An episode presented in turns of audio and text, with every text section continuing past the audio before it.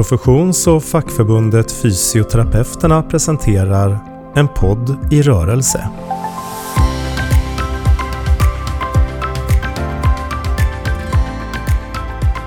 Hej och välkomna till ett nytt avsnitt av Fysioterapeuternas egen podd, En podd i rörelse. Idag ska jag prata med en kollega som var en av de tre nominerade till Årets fysioterapeut, en av de tre som gick vidare till andra urvalet. Jag ska prata med Daniel, heter du Petersson eller Pettersson? Ja, jag brukar faktiskt få den frågan. Jag heter Pettersson men jag stavar Petersson så att eh, ja. jag förstår förvirringen. Ja, mm. men du, oavsett vilket så är du varmt välkommen till dagens poddavsnitt. Tack så mycket. Du, du var ju en av tre nominerade som gick vidare till det andra urvalet till Årets fysioterapeut. Och bara för den som lyssnar så har vi en process där man blir nominerad eh, och de nominerade diskuteras av en jury som består av externa medlemmar plus mig. Och därifrån så fattar vi sedan beslut om tre personer som går vidare för att bli djupintervjuade och sedan så presenteras de intervjuerna för förbundsstyrelsen innan de fattar beslut. Eh, och några av de anledningar till att du gick vidare kommer vi att prata om idag. Eh, I din nominering lyfts bland annat det arbete som du har gjort för personer som har drabbats av yrsel, där du har bidragit till att många kollegor idag har en djupare kunskap och ett bättre omhändertagande av de här personerna och du har också hjälpt många patienter. Det som också nämns eh, och som jag också blir lite intresserad av att veta mer om är ju hur du har drivit din egen karriär för att verkligen kunna göra skillnad som fysioterapeut. Det och mycket annat ska vi prata om idag. Så jag började lista upp lite grann där när jag ska presentera dig. Du är fysioterapeut, du är specialistkompetent i neurologi, du är företagare, lärare. Är det någonting som du vill lägga till i beskrivningen av dig själv? Mm, nej, det är väl det. Jag, jag eh, gör många olika saker förutom mitt jobb, men det sammanfattar du rätt bra tycker jag. Ja, ja. Befinner du dig i Östergötland? Ja, eh, mm. Född och uppvuxen i Linköping och blev kvar i Linköping. Ja, ja, så kan det vara. Jag har inte kommit så långt utanför Skånes gränser heller, även om jag har rört mig inom Skåne. Eh, men återigen, stort grattis till nomineringen. Om, om du själv får liksom fundera lite, vad var det som gjorde att du blev nominerad tror du? Eh, jag tror nog att det är en kombination av flera saker. Man blir väl, jag tror alla som är nominerade blir lika förvånade på något sätt att det är ju ingenting man kan eh, någonsin räkna med på något sätt. Det är ju smickrande på alla sätt och vis. Men eh, jag tror att en del är nog lite det som du själv har tagit upp här innan, att jag är ute väldigt mycket och föreläser för andra kollegor och försöker sprida ordet vad vi som fysioterapeuter kan göra inom området yrsel och balansrubbningar. Eh, och eh, rätt aktiv på sociala medier och andra ställen att försöka pusha för det här, vad vi kan göra. Sen arbetar jag ju, så det området jag arbetar inom är väl inte jättestort på ett sätt, även om det är väldigt många patienter inom många grupper som kan drabbas av visuella balansrubbningar. Så det finns inte så många som gör det jag gör och på så sätt så sticker jag väl automatiskt ut mer eller mindre. Mm, mm. Sen så hoppas jag väl någonstans också att det beror lite på att jag har på vägen lärt mig saker i och med mitt engagemang och pension kring området så att det har också att göra med den kliniska kunskapen som jag nu har och erfarenhet av området. Så att jag tror det är en kombination av flera saker egentligen. Mm, mm. Ja, men, men den här, om vi tar patientgruppen och tittar lite närmare på den. Mm. Eh, för jag har ju jobbat i en verksamhet där jag har träffat de här patienterna, men var, var träffar vi personer med yrsel? Egentligen träffar vi dem vart vi än jobbar. Det är väl det som är problemet och tjusningen med att det spelar ingen roll om du, öppnar, om du jobbar i primärvården. Det spelar ingen roll om du jobbar i slutenvården. Det spelar ingen roll om du jobbar inom kommun, idrottsmedicin, bland äldre, bland kvinnohälsa. Den här mm. gruppen finns överallt egentligen för att yrsel är ett symptom på någonting. Det, det är ingen diagnos i sig utan det är ett symptom på någonting och det gör att det blir ett väldigt stort inflöde av patienter. Där, vi har, där jag tycker, jag passar på att skjuta in det redan nu, men att jag tycker vi har en särställning som fysioterapeuter i och med att det är ett symptom och att vi är duktiga på att eh, vara detektiver och vi är nyfikna naturligt i vår yrkesroll så passar vi så otroligt bra i att handlägga de här patienterna överhuvudtaget. Mm. Mm. Men vi kan väl fortsätta lite grann, kanske inte så mycket, kanske lite fokus på patienter, men lite mer på dig. Berätta, mm. berätta lite om din karriär och vad har varit viktigt för dig under din yrkesresa? Eh, ja, men lite kombination av slump, tur och tillfälligheter och en, någonstans en vilja i med att göra någon skillnad och förändring på saker. Jag, jag börjar väl precis som många andra gör som en skadad idrottare och tänker att man ska bli fysioterapeut för att man har stött på en fysio någon gång mm. i sin yrkeskarriär. Så att jag är ju ex-elitidrottare inom innebandy både som spelare och tränare egentligen från början. Mm. Och sen så började jag läsa till fysio och jag hade ju ingen som helst tanke på att jobba med det jag gör nu när jag utbildade mig. Noll verkligen. och jag kunde minimalt när jag gick ut som färdig fysio. Det var ju skräcken att träffa yrselsepatienter tyckte jag i början. Men någonstans där så, av en ren slump, så eh, fick jag chansen att börja jobba mot öron, näsa, hals. Eller jag tog chansen, det var ingen som ville göra det. Jag tänkte att eh, som ny fysio att det kanske är bra att göra någonting för att sticka ut här i mängden alla andra. Mm. Så jag började tidigt och väl där så hade jag turen att stöta på två läkare som eh, brann för det lika mycket som jag och tyckte att det var otroligt bra att det kom en fysio till avdelningen för det har de inte haft på ett x antal år där. De hade sagt upp rehabpersonalen mer eller mindre. Okay. Så att eh, de tog mig under sina vingar rätt tidigt så jag jobbade 70 procent i primärvården och 30 procent mot öron, hals under sju års tid. Mm. Eh, vilket var otroligt lärorikt. Jag ångrar inte att jag var i primärvården på något sätt utan det har gett mig en väldigt bra grund och förståelse för hur hela vårdapparaten fungerar. Och sen 2017, eller någonstans 2016-17 så fick jag chansen att eh, skriva på en heltidstjänst för dem. Och det var inte på något sätt självklart utan det var, det var ingen lyst tjänst utan de fick skapa en tjänst åt mig helt enkelt. Eh, så det var inte en helt enkel process heller. Men då, då var jag färdig med primärvården kände jag vid den tidpunkten. Så att, eh, ska man eh, utan att fördjupas allt mycket kan man väl säga att jag stod egentligen för ett ganska stort vägval där någonstans 2016-2017 att jag tvekade om jag skulle jobba som sjukgymnast mer överhuvudtaget. Mm. Eh, jag, jag, var så otroligt färdig med primärvården och eh, antingen var det byta arbetsplats eller så var det byta arbetsinriktning egentligen och så här efterhand så stod väl solen helt rätt då, då för att jag har inte ångrat det valet jag gjorde och hur det har slagit ut för mig så har det varit eh, ja, över all förväntan egentligen hela vägen från mm. Ja, nej, men så är det ju ibland och jag tänker också att det är helt naturligt att man, att man väljer att byta arbetsplats. Ja. Eller att man väljer att byta inriktning. Vi, vi arbetar i, vi, vi, går en grundutbildning som är tre år och sen arbetar vi kanske i 40 år eller 30 år beroende på när vi började. Och det är väl ganska självklart att man, eh, att man vill välja olika vägar eller utforska nya vägar. Mm. Ja. Men, men jag har också förstått att du har varit, eh, är du kvar på Öron hals nu? Du jobbar i eget företag, så visst är det så? Eh, jag jobbar heltid på Örnasa hals och sen så jobbar jag alldeles för mycket på min fritid med mitt egna företag som en bisyssla. Så att jag, mm. jag jobbar... Eh, min tjänst är uppbyggd egentligen så att jag jobbar 30 procent mot Linköpings universitet. Jag är lärare på fysioterapiprogrammet med inriktning mot neurologi. Då. Och sen jobbar mm. jag just nu resterande procenten på öron men där eh, väntar jag nu på att starta doktorandtjänst efter nyår.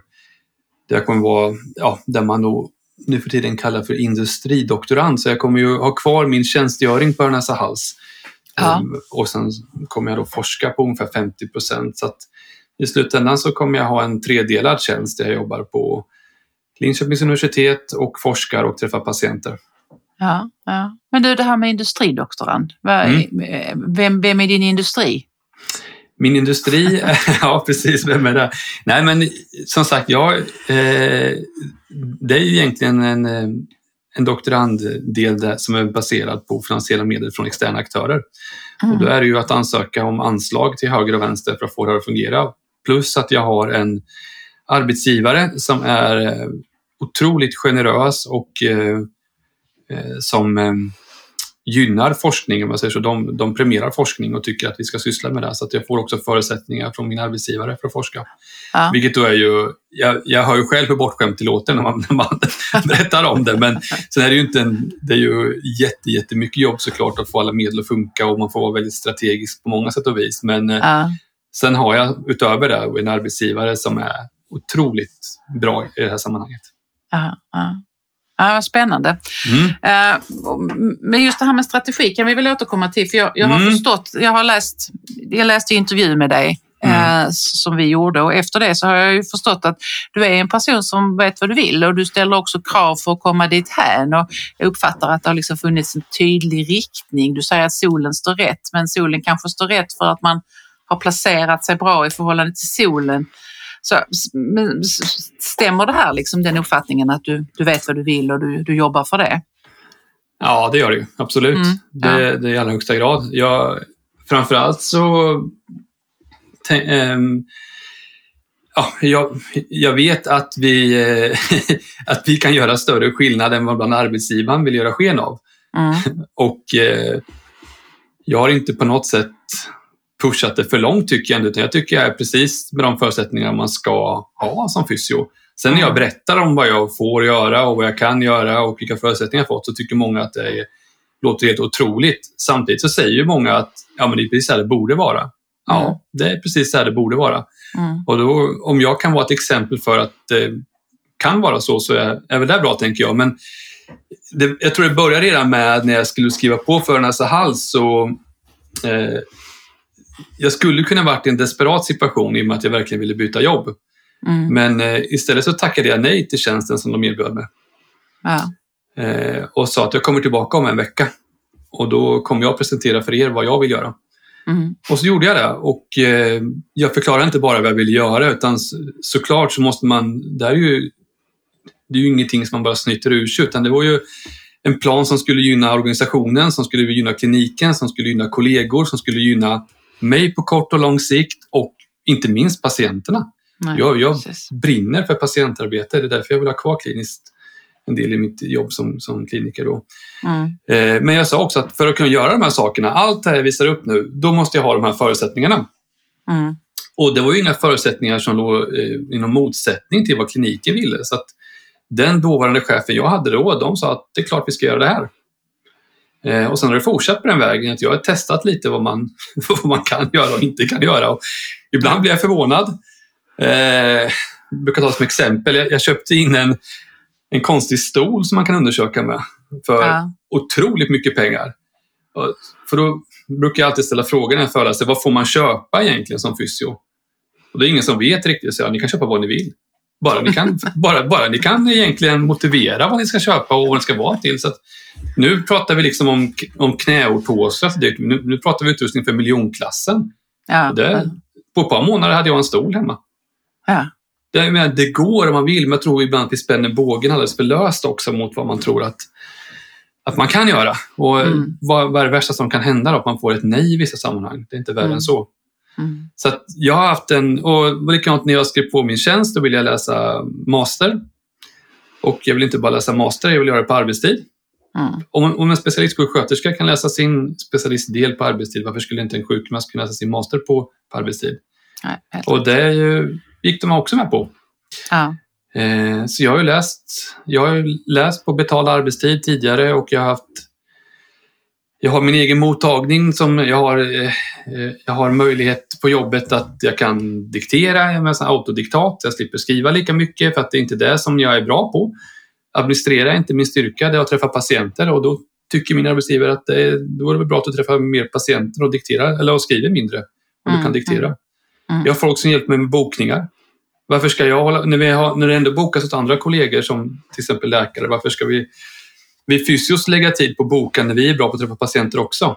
Mm. Så jag har egentligen bara gjort det som jag tycker är helt naturligt och, och det har egentligen inte varit något problem någon gång för de här sakerna, ska jag säga. Just att få, det låter som att det är så otroligt stora grejer ibland, men det har, det har inte varit det. Nej. Nej, det, nej det, det låter så självklart när du beskriver det. Uh, och jag, jag håller helt med dig i det du säger att vi ibland så spänner vi bågen lite löst, att vi borde satsa lite högre. Men vad, vad tror du liksom har varit vad har varit det mest lyckosamma i det här? I, i ditt, inte i ditt arbete kanske, men i din karriär om jag säger så istället. Om du liksom försöker sammanfatta på något sätt. Nej, men jag tror det är två saker. Eh, dels är det väl det... Jag, jag har haft otroligt mycket nytta och glädje av mitt privata bolag, så det jag håller föreläsningar som varit som en under många år var det en ventil för mig. Att jag fick ut den kreativiteten som jag hade inom mig. kunde jag liksom göra mm. på min fritid och jag fick fria händer att göra precis det jag brann för. Och, kunde, och det har gjort att jag har fått träffa så otroligt många människor som jag är så tacksam över på olika kliniker. Jag har fått se hur de jobbar, fått lära mig från andra ställen och åka runt i Sverige och träffa massa intressanta människor. Det har varit helt fantastiskt och är fantastiskt. Det, mm. Vi kom på oss själva att vi skulle fira tioårsjubileum nu. Alltså, det har gått tio år redan sedan jag började med mm. det. har det gjort. Och sen är det ju att jag eh, tog beslutet att jobba heltid med det jag gör 2017 på Örnäs mm. hals. Det har varit mm. kanske i särklass mitt bästa beslut i mitt, arbets, i mitt vuxna arbetsliv egentligen. För det, jag har inte ångrat mig en sekund kan jag säga. Den, den tjänsten som jag har och får möjlighet att jobba som jag, och som vilket var min målsättning jag skrev på, att jag skulle kunna forska, jag skulle kunna lära ut. Jag tycker det är så kul att lära ut, jag älskar att jobba som lärare. Och jag tycker det är kul att jobba med patienter och jag har alldeles för mycket idéer i mitt huvud för att inte jobba med forskning. Så någonstans måste jag liksom få ner det här. Och ja. de, de här tredjedelstjänsterna är inte så himla lätta att få till. Nej, det är det, det är, inte. Nej. Så att den platsen jag är på nu är precis den platsen jag vill vara på egentligen. Ja. Men det, det, jag, det jag tänker, eller det jag hör när du pratar är, du har ju både lyssnat inåt och utåt tänker jag. Dels har du liksom lyssnat på vem är jag, vad har jag för förmågor och vad vill jag arbeta med? Men du har ju också, jag vet inte hur mycket du har anpassat det, men jag tror du har gjort det. Du har anpassat ditt budskap lite grann efter mottagaren. Du beskriver ju att du gjorde upp en plan och där du berättar mm. verksamhetsnytta och patientnytta, att du får med de bitarna också. Mm. Ja, men man måste på något sätt lära sig språket, det är det det handlar om. Ja. Att man vet, det är ju tänker att det är det du gör varje dag kanske eller varje vecka när du träffar olika aktörer, inte minst inom eh, både politik och region, att man, man måste veta vad, vad är det för nyckelord man ska använda och vad vill de höra? Ja. Man, man vill inte höra när man ska köpa in utrustning att det kanske kan bli bra för någon. Man vill ha siffror, svart ja. på vitt, pengar, ja. det, här, det här kan hända.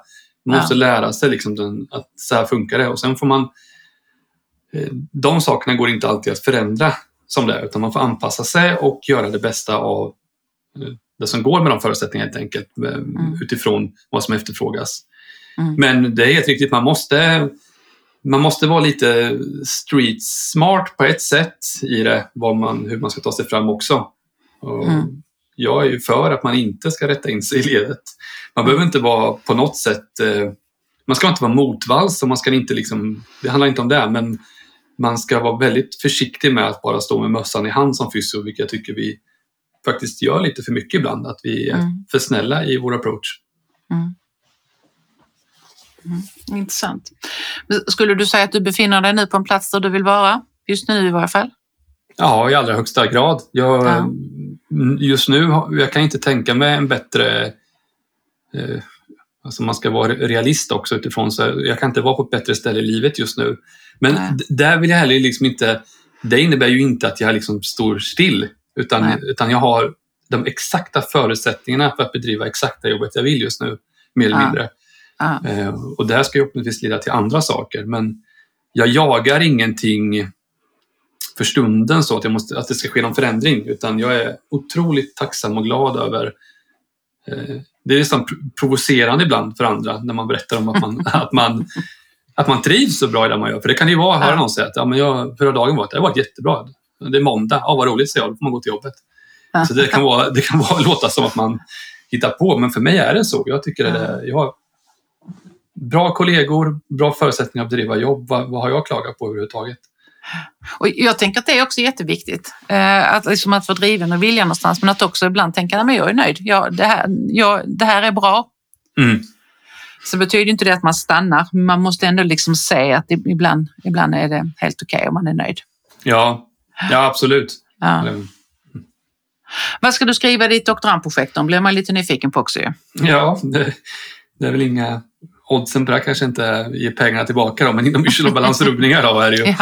Men eh, mer, mer konkret så eh, jag vill förbättra vårdflödet eh, för vissa patientgrupper så att eh, min tanke är att göra så, en sån generell avhandling som möjligt som ska göra så stor patientnytta som möjligt. Det har alltid varit ja. min målsättning.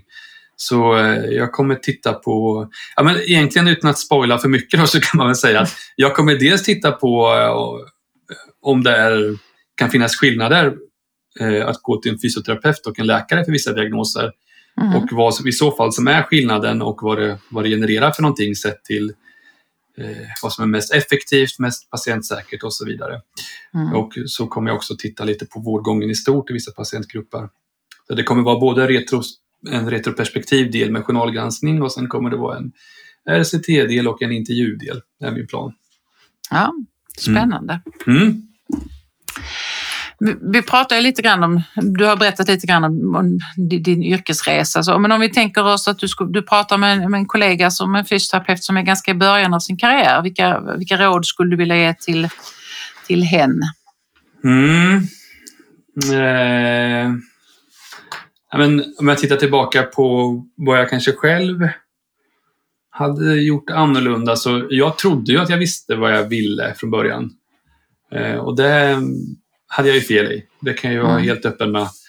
Eh, att jag trodde att det var idrottsskador och eh, öppenvård jag skulle jobba med. Jag skulle aldrig i livet sätta min fot på ett sjukhus. Och det var ju mina egna fördomar som den åsikten gick igenom egentligen. Jag, jag trodde det var liksom löpande band bara på sjukhus, att det inte var något utvecklande och det var för mycket omvårdnad och det ena med det andra som inte jag brann för då på den tiden. Något sätt. Jag tyckte ja, att det skulle vara tråkigt. Så att, jag skulle nog säga att en, för en ny kollega att man ska absolut inte vara rädd för att testa olika saker i början. För att eh, man kommer nog bli förvånad ibland när man kommer in på olika kliniker och avdelningar att eh, helt plötsligt hittar man någonting som man inte alls trodde man skulle gilla. Eh, och så gör man det. Och det vore ju mm. så synd om man missade det och sen fastnade i någonting annat som man inte har tänkt sig från början. Så att prova olika saker. Men försök inte vara duktiga. Det vill säga, säg inte ja till allting. Jag tycker också det är så vanligt att fysios ska vara så otroligt ambitiösa. Och så, så har man helt plötsligt bara ont i magen när man jobbar för att man tagit på sig för många saker. Mm. Och Våga ställa krav även om ni är nya. Vad är det värsta som kan hända? Desto fler som ställer krav eh, med rimliga arbetsförhållanden, desto bättre. Mm. Det gynnar alla i slutändan att ha mm. goda exempel. Så prova mycket, var nyfikna, men var inte för duktiga i början. Mm. Ja, mm. jättebra. Mm. Uh, för, för, det är också, jag, jag tänker att uh, när man då som, om man arbetar som chef, att, att möta personer med uh, fast vilja eller en, en lust att gå åt ett speciellt håll, det är inte alltid så enkelt. har du några råd att dela med dig av till chefer inom hälso och sjukvården? Förutom att fysioterapeuter borde få ta större plats och göra andra mm. saker. För det känns ju självklart. Ja, precis. Jag tycker väl att vi har för mycket chefer och för lite ledare.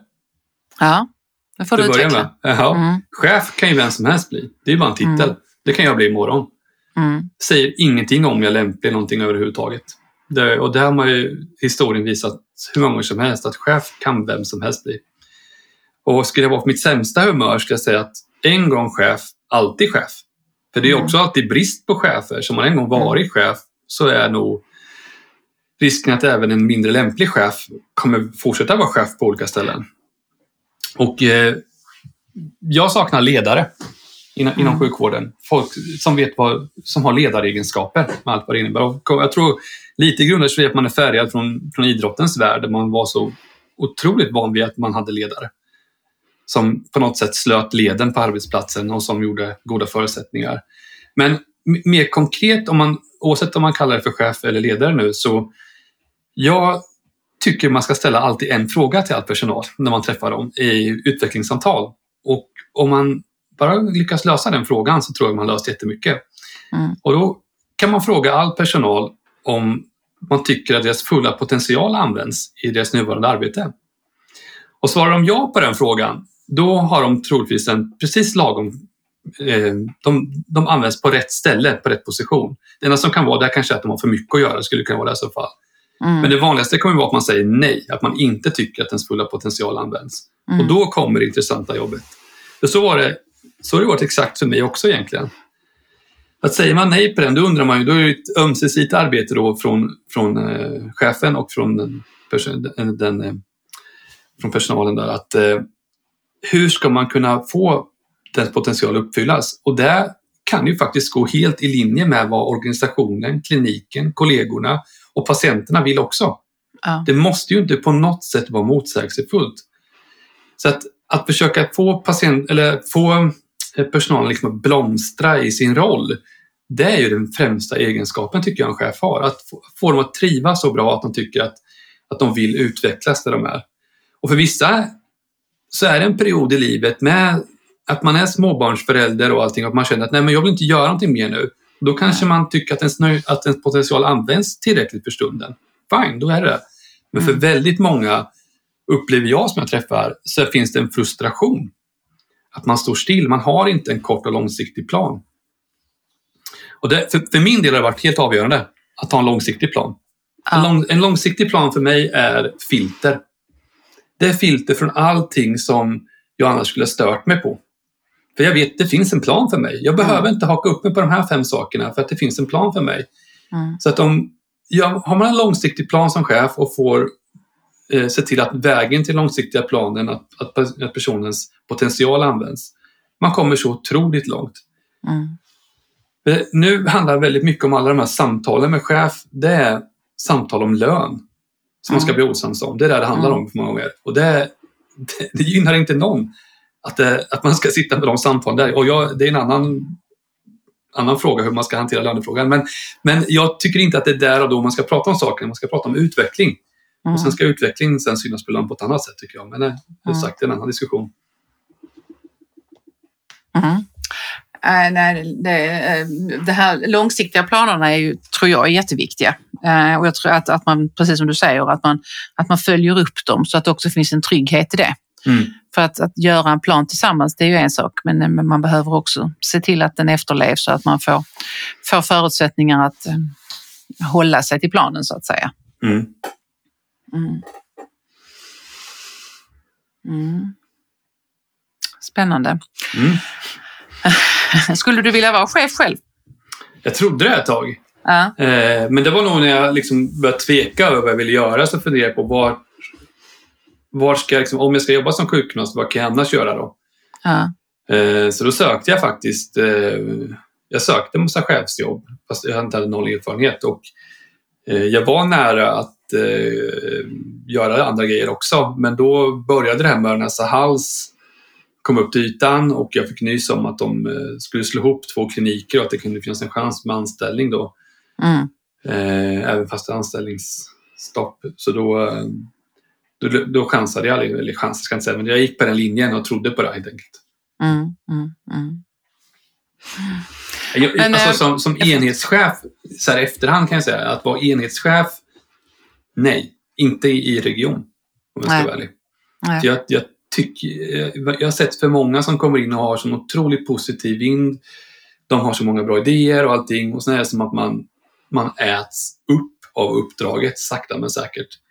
Det, det, det är så otroligt svårt att vara enhetschef tycker jag, många av dem. Jag, är, jag har haft några som varit otroligt bra enhetschefer som jag alltid kommer komma ihåg också. Mm. Men det har varit väldigt många som man känner som det förändrar dem till någonting som de är mindre ja, mindre smickrande med tiden. De, de, de, eh, det gör någonting med dem på ett negativt mm. sätt helt enkelt. Mm. Mm. Det, är intressant. Det är också intressant när du, när du, här du säger att man är en gång chef, alltid chef. Att eh, på något sätt så att man inte lämnar det fastän man inte har de kvaliteterna eller, som behövs eller egenskaperna som behövs. Mm. Eh, för i, just det där hur, hur, man rör sig i ett yrkesliv, att man kan, man kan röra sig åt sidan och man kan röra sig uppåt och neråt om vi nu väljer att se att det finns liksom hierarkier i de här systemen. Um, så det är bara intressant att fundera på liksom vad det är som gör att man väljer att stanna kvar. För jag tänker att den individen behöver ju, antar jag, själv också känner att jag kan inte riktigt leverera det som mm. behöver levereras. Men att det kanske är ett väldigt stort steg att gå, ehm, gå tillbaka till det mm. man en gång var. Ja, precis. Nej, det är det jag tror med. Att, eh, och i och med att det är, det är ju brist på chefer som många mm. andra yrkeskategorier. Så mm. man eh, söker någon som har jobbat 20 år som chef så är man ganska tacksam att någon söker som har den mm. erfarenheten. Men ja, det säger väldigt lite om den personen på ett sätt. Ja, ja verkligen. Ja, ja, men då vill du inte bli chef just nu i varje fall. Men jag antar Nej. att du har planer om att göra andra saker i din karriär. Vad ser du dig själv om, vad ska vi säga, fem, tio år? Eh, ja, men det, då har jag väl kanske om tio år kanske jag gjort någon form av avhandling. Ja, det får jag hoppas. Det tror jag din handledare vill också. Mm. Ja, men är på halvtid, så åtta år då borde jag vara klar Ja. på. Då. Ja. Eh, så det, det hoppas jag att jag är klar med den. Men eh, om jag får drömma helt fritt vad jag skulle göra efter det så skulle jag öppna ett...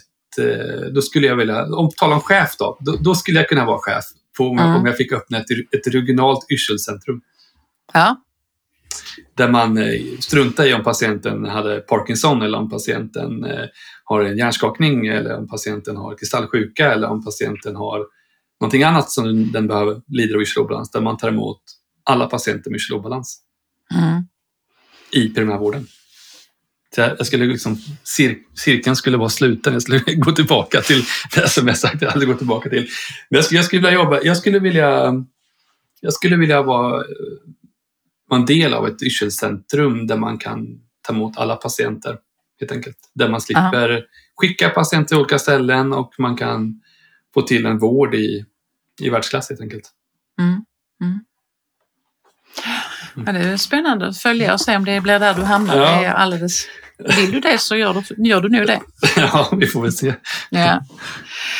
Mm. Du, vi börjar närma oss slutet på det här samtalet. Eh, Mm. Är det någonting som jag, som jag glömmer att fråga om, som du, som du liksom känner att du gärna vill eh, berätta mer om? Nej, det är väl inte direkt. Det är väl lite som vi startar med, att jag vill ändå jag vill pusha för att eh, om någon tycker att det är det minsta intressant med balansrubbningar, det finns så otroligt mycket att göra. Ehm, framförallt för patienternas del. Det, det märker ju jag dagligen att det finns eh, en utvecklingspotential inom vården för det. Och utomlands jobbar man ju mera kring det här vestibular fysioterapeut och det har vi ju inte riktigt i Sverige, att man är den undergruppen, alltså man, vi kan vara idrottsmedicinare eller så vidare, men att man jobbar med som vestibular fysioterapeut, det finns inte. Eh, och det finns ju underlag för egentligen. Alltså för pa- Ja. patientunderlag finns ju så det är bara hur mycket som helst egentligen. Mm. Så jag vill ändå slå ett slag för, och det, och det behöver inte bara egentligen, nu är jag, eh, är är jag fysio, men det kan vara andra yrkeskårer också. Det kan vara naprapater och kiropraktorer och allt däremellan också. Som, men att man som personal som brinner för rehabilitering helt enkelt är otroligt lämpliga att träffa de här patienterna i och med att det är, många gånger som problemen är mångfaciliterade. Eh, och där är vi i en särposition tycker jag. Vi är, jag tycker vi är bäst helt enkelt på att undersöka de patienterna som jobbar vid rehab.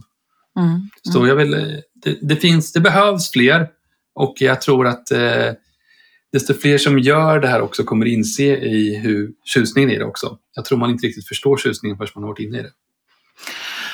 Nej, nej, så kan det nog vara. Jag, för jag tänker också att i många fall så är det ju en grupp där man också gör väldigt stor skillnad.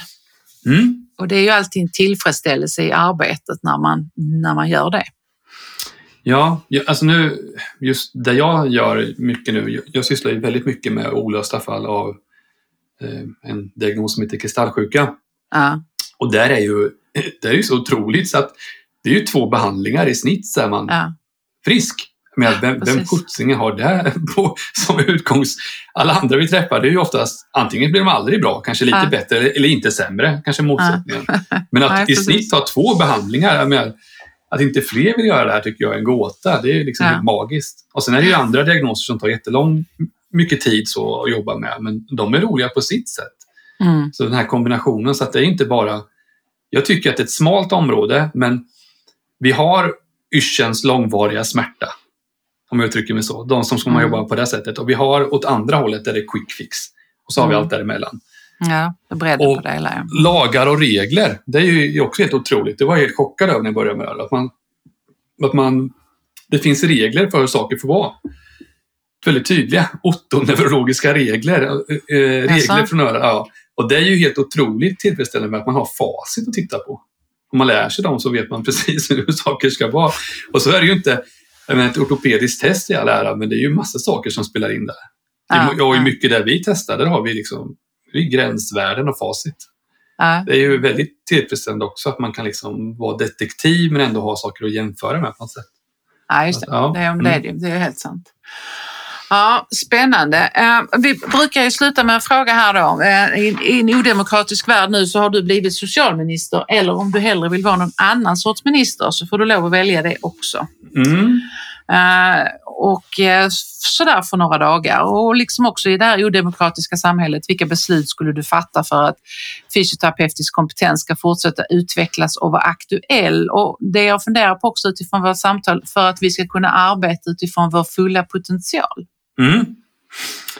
Ja, men då, då, då ska jag röra till det här för, för... Nej, det ska jag inte göra. Men jag skulle göra utbildningen fyraårig direkt, det första. Ja. Varav sista året så skulle jag faktiskt inte trycka in mera teori, utan jag skulle trycka in mera praktik. Så att jag skulle mm. göra sista året till ett AT-år. Ja. Eh, vilket skulle innefatta ganska mycket jobb på sjukhus. Och en, en, en del i det som skulle kunna rymmas inom en specialisttitel, ska jag säga, där man, i form av auskultation, ska göras under sista året tycker jag. Och det är av flera anledningar. Dels lite där vi pratade om tidigare, att jag tycker man ska ha sett mer saker och kunskap om. För det, det märkte jag när jag, gick, när jag gjorde min specialistdel. Få träffa kollegor, se hur de arbetar, det ger så otroligt mycket. Man har ingen chans i arbetslivet att göra det sen.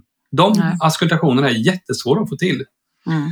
Så det är väl det ena. Och det andra nämnde jag ju innan, äh, nu här då, men specialisttiteln måste ju också ändras såklart och ska vara godkänd via Socialstyrelsen och ingenting annat. Och premisserna ska ligga där igenom också. Det ska göras på arbetstid. Det ska vara ett fast lönepåslag och det ska vara en naturlig steg i en utvecklingstrappa. Då kan samtalen också med ens chef ske på ett annat sätt för då kommer lönepåslagen kopplade till andra saker än om man tagit emot åtta eller nio patienter den dagen. Eh, så tydliga skalsteg då, det ska ju fortsätta också genom, genom karriären. Så fyraårig linje och en, eh, en specialisttitel som är godkänd inom Socialstyrelsen med dess eh, förutsättningar. De två förändringarna skulle jag göra direkt. Då. Ah, det låter strålande. Då ja. hoppas jag ju verkligen att socialministern, den riktiga, lyssnar på det här. Ja, så att vi får precis. en fyraårig grundutbildning, att vi får en statligt reglerad specialistutbildning och det är också hör att du säger att vi får en löneutveckling värd namnet. Absolut, det, mm. det tycker jag självklart att det går hand i hand, de två sakerna. Ja. Mm. Tack så hemskt mycket Daniel för ett jättetrevligt samtal. Tack själv. Tack så mycket för att jag fick vara med. En podd i rörelse presenterades av Fysioterapeuterna.